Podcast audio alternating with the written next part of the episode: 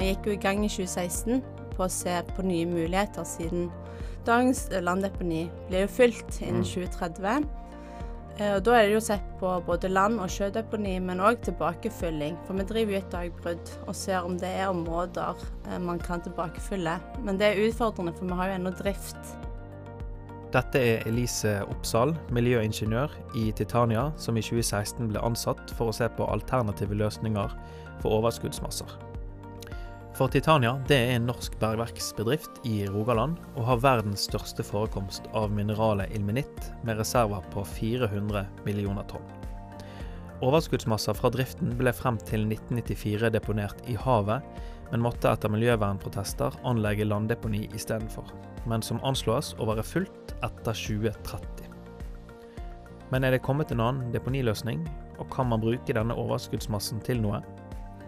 Du hører en spesialepisode av Geologisk rapport kalt 'Geologer på jobb', denne gang med Elise Oppsal fra Titania.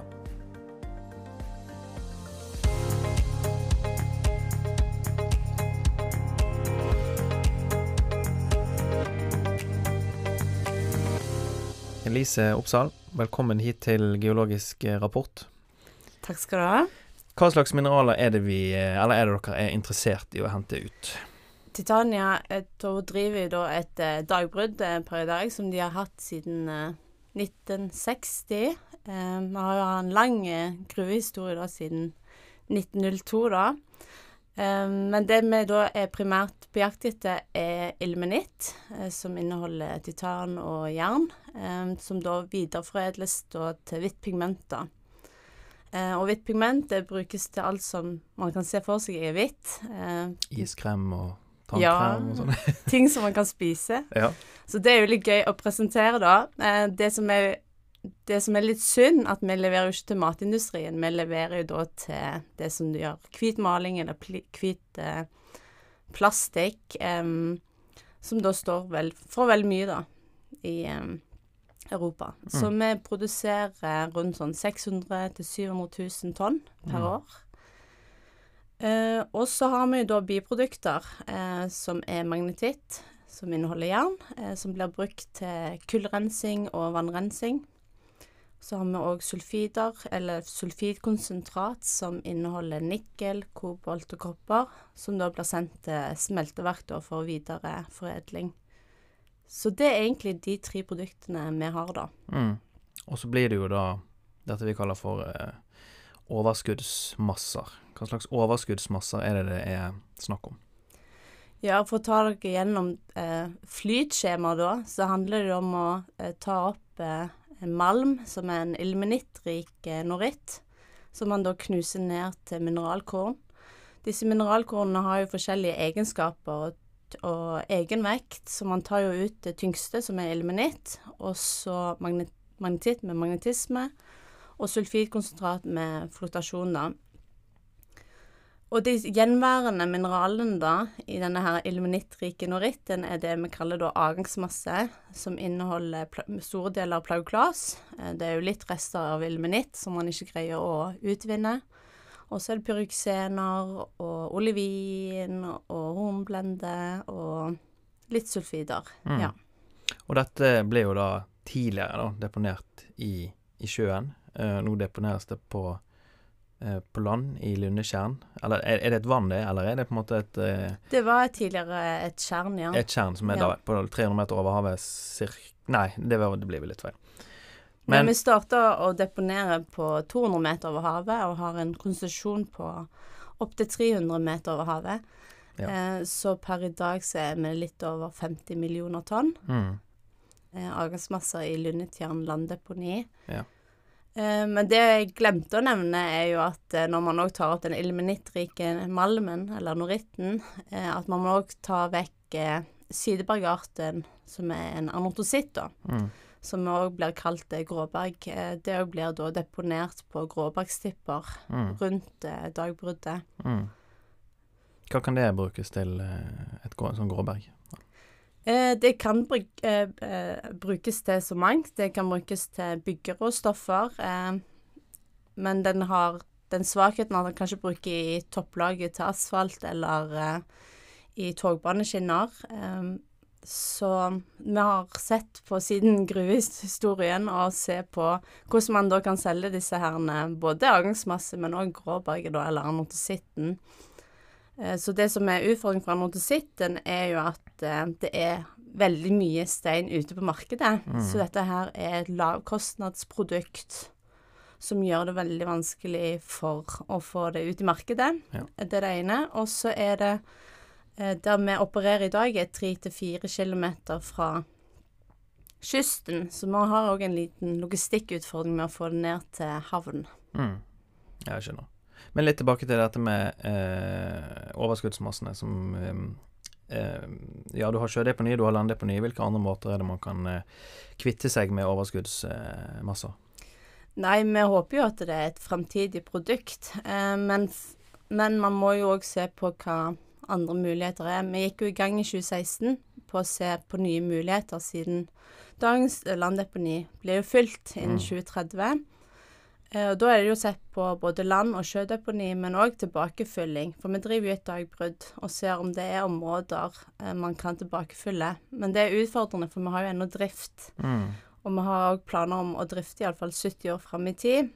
Eh, så det handler jo òg om at man plasserer en tilbakefylling der som ikke er i veien for fremtidig drift. Mm.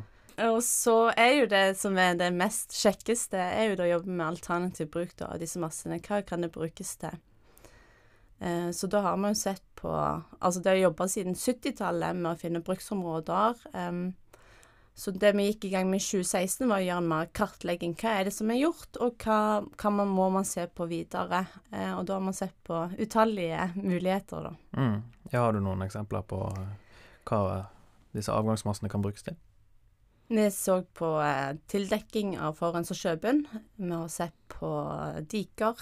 Eh, vi har sett på å ha det i asfalt, eh, sement, betong keramiske produkter. Eh, har det på som jordforbedring. Eh, ja, listen er egentlig lang. Mm. Eh, men, men, når du sier at, dette landdeponiet snart er fullt, er det på en måte kommet på plass en, en annen deponiløsning, eller er det liksom det man fortsatt jobber med frem mot 2030? Det er det vi jobber fortsatt med til 2030. Ja. Um, Akkurat nå så holder vi på å ferdigstille fagrapportene fra konsulenter, for det handler jo litt om Det ene er jo at du finner et område som er egnet, mm. men du skal òg ta hensyn til samfunnet og den miljøpåvirkningen det har, da. Mm. Men, men uh, hvor, hvor, langt ser Titania for seg at det skal være drift? Vet du det? Hvis man Altså, man har ressurser ja, mye, ja. på 70 år fram i tid, ja. men det vil jo ikke si at vi har et marked i morgen. Nei, nei, selvfølgelig. Nei. Nei. Så det er veldig avhengig av eh, etterspørsel. Mm. Eh, og eh, ja. Mm. Merker man noen si, større etterspørsel nå de siste ti årene, eller er det Vi merker veldig stor eh, internasjonal påvirkning, som f.eks. når eh, Trump eh, ikke ville handle med Asia eller mm. Russland. Um, så merker vi at da fikk man en ny synergieffekt med at eh, det Asia- og Russland-markedet ville da handle eh, i Europa. Ja. Eh, så man merker jo synergieffekter med internasjonal politikk. Mm. Eh, så det er jo nokså spennende, da. Ja. Men eh, du er jo geolog, Elise. Hva slags andre geologer er det man finner i Titania? Uh, jeg måtte ha en opptelling. Uh, vi, da, uh, vi har jo da fem stykk som har bakgrunn som geolog, og så har vi tre stykk som har teknisk geofag. Så vi har en gruvegeolog som da kartlegger og kvalitetssikrer den malmen man da kjører inn på oppredningsverket der det knuser ned, og utvinner ilmenitt. Og så har man da en ingeniørgeolog som sikrer stabilitet i både dagbruddet og på landdeponiet. Og så har man en driftsingeniør som da òg er med å planlegge den daglige driften og legge hvordan planene skal være fram i tid. Så har man um, en utviklingssjef som ser på muligheter og ja, potensial til å gjøre forbedringer. Og òg ikke minst lage nye produkter. Mm. Mm. Men selve geologene de har bergrunnsgeologibakgrunn, sånn som du har, eller er det litt sånn blandet? Ja, de fleste er spesialisert innenfor bergensgeologi. Ja. ja. Men dette prosjektet, Fremtidig eh, ressurs, eh, Elise, kan ikke du fortelle litt eh, om det? Jo, det er jo egentlig i kontekst med den alternative bruk, Mm. der man prøver å se på alle muligheter da for hva den eh, avgangsmassen kan brukes til. Så da for å Man er jo da livredd for at man har gått glipp av noe. eh, sånn at eh, jeg har jo da jobba i Vitensenteret, så da tenkte jeg at eh, her må vi skru opp kreativiteten. Eh, og de som da kanskje jeg oppfatter som veldig kreative uten å ha begrensninger, er jo barn. Mm. Så da tenkte jeg kanskje det var Eller det var, ja, nyttig å ha en konkurranse, da, der vi kunne få noen forslag til hva disse massene kunne brukes til. Ja. Fikk du mange gode forslag? Ja, jeg fikk, tror jeg fikk 45 forslag. Ja. Eh, Det var mye forskjellig. Merka jo òg at eh, foreldrene hadde kommet med sine input. Jeg har vel et eksempel var eh, Eh, ja, det var eksempel flomsikring. Eh, eh, og så var det mer sånn kreative, eh, som for eksempel at eh, disse avgangsmassene det kunne være en eh, batteribank. Ja, ja. Ja. Ok. Men, men hva Det var jo en konkurranse. Hvem var det som vant? Eller Det var Forslag. den med batteribank. Det var Ja. noe vi hadde ikke sett for oss. Eh, ja. Har dere noen pågående prosjekter for alternativ bruk av avgangsmassene? Eh, ja, det som er så fint, er jo at eh, vi har jo jobba med alternativ bruk over lengre tid. Og eh, i 2014 da, så var man med i et eh, prosjekt, eller en ph.d. da, i, med, i samarbeid med Universitetet i Stavanger. Der vi da leverte masser til geopolymerbetong. Så er det litt sånn at eh, man leverer ut masser og håper jo at eh, dette går veien. Eh, så plutselig i 2019 så kom de tilbake igjen da og hadde eh, gjort ferdig doktorarbeidet og har funnet da at eh, stort sett så kan disse massene da brukes til en geopolymerbetong. Som eh, da de oppretta et selskap da som heter SafeRock. Så vi håper jo på at det vil lykkes, da. Mm. CO2-vennlig betong, da, siden sementproduksjon er veldig har store utslipp av, av CO2. Ja. Så den vil egentlig ha to effekter. Den vil hjelpe vårt eh, avtrykk betraktelig hvis de får det til. Eh, og så vil det òg redusere CO2-utslippet fra betongindustrien.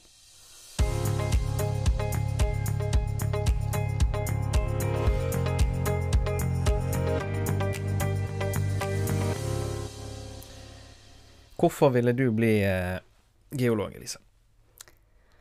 Eh, gjennom oppveksten har jeg kanskje blitt dratt med på de der søndagsturene med bensin i sekken med å komme meg ut. Eh, så det har jo gitt en sånn en ja, et forhold til det å være ute, da. Eh, og så har jeg kanskje vært litt ekstra glad i ting som glitrer. Så, men jeg tror òg det handler veldig mye om at jeg har vært veldig nysgjerrig på hvorfor vi er her. Hvorfor er den jorden skapt? Hvorfor er Ja, hvorfor Hva er vår rolle her? Så jeg har jo blitt fortalt eh, at når jeg var liten, så hadde, fikk jeg mast til en heliumballong. Eh, og kom hjem, og du vet at alle passer på at denne heliumballongen skal da ikke slippes. Em, jeg slapp den, bevisst, med det formålet. Eh, og så em, lurte de på hvorfor jeg slapp den, eh, og så, så sier jeg men jeg kan ikke se han. Så sier jeg jo, men ballongen er jo der. Og så sier jeg sånn, nei, men jeg kan ikke se Gud eller Jesus.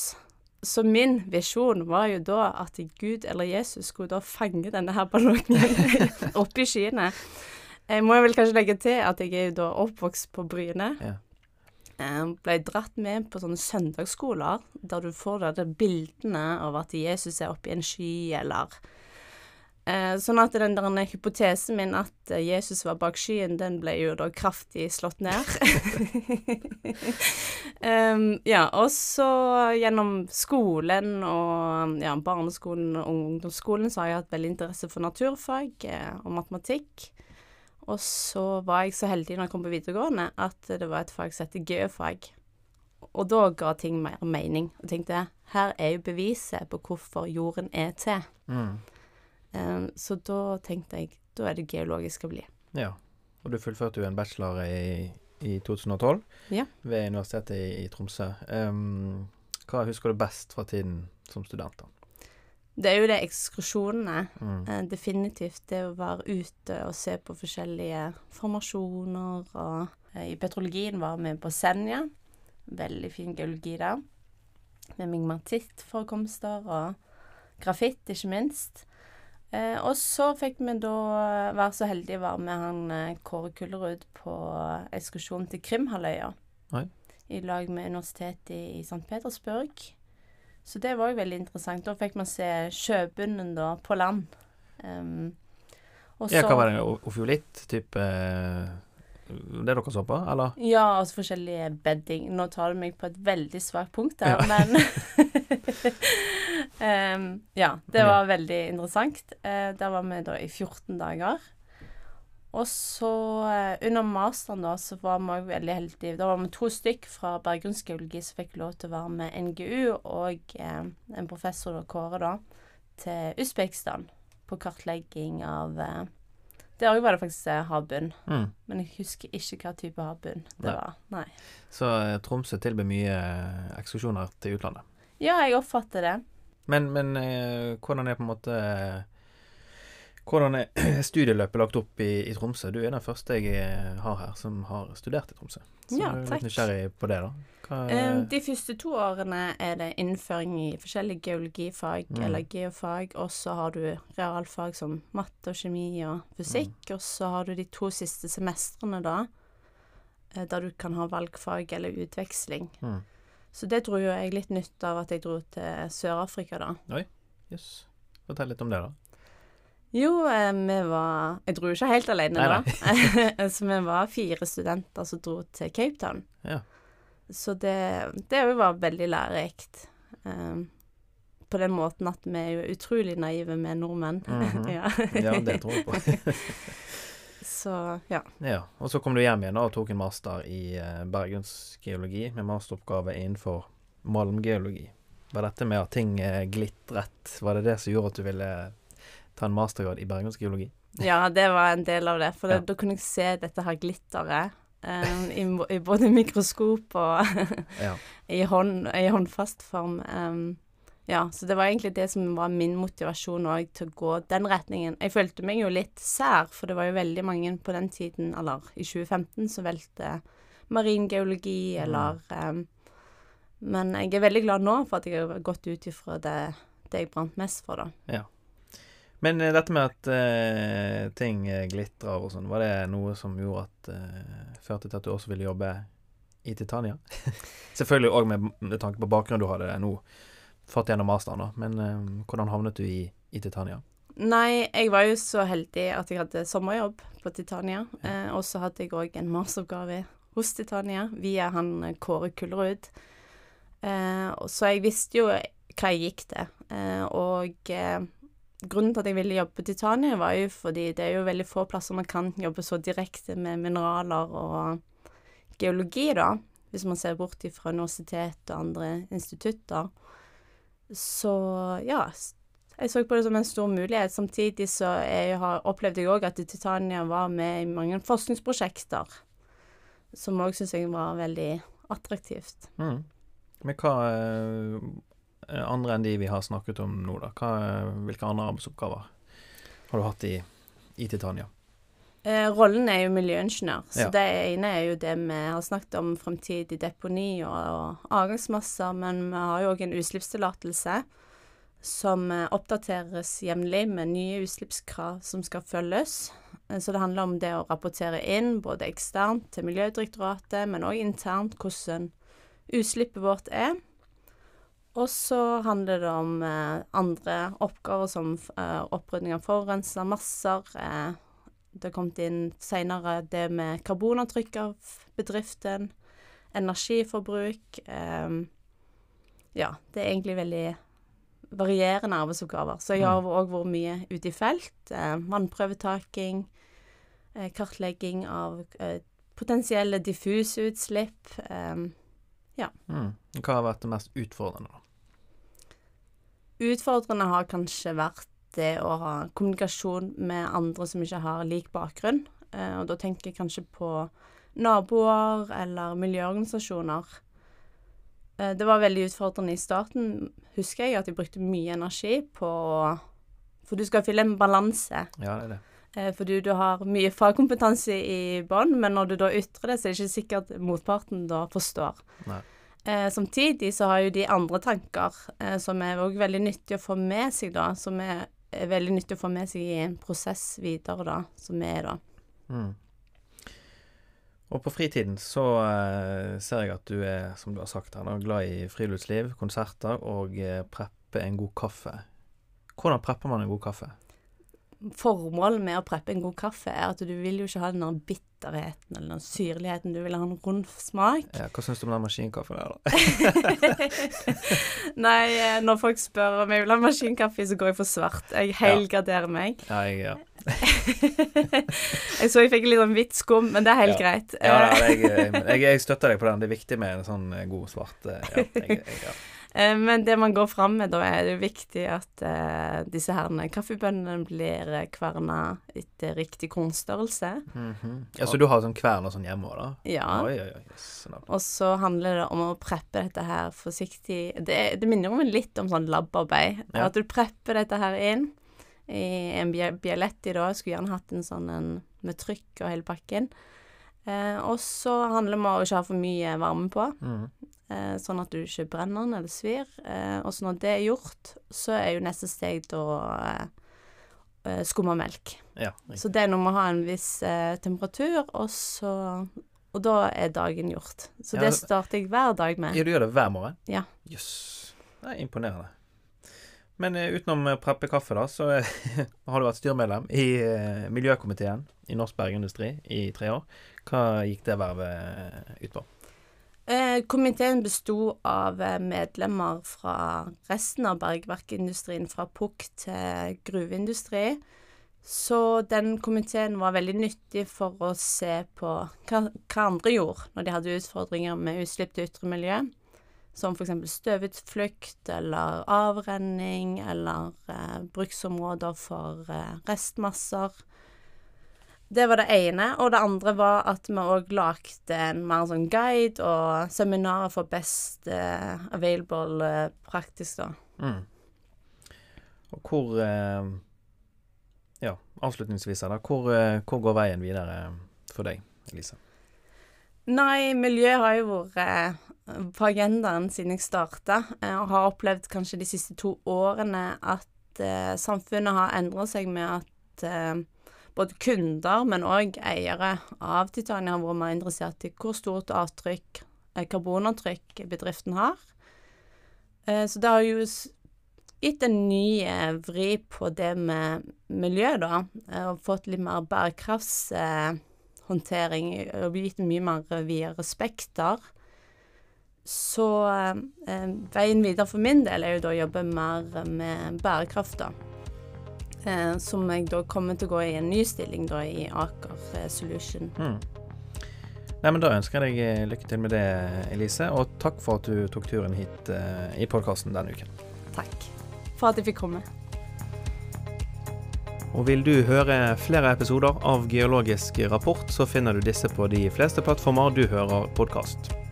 Følg gjerne Geologisk rapport på Instagram, og har du spørsmål eller forslag til tema eller gjester, så kan du sende meg en melding der, eller på andreas.viken, alfakrølluib.no.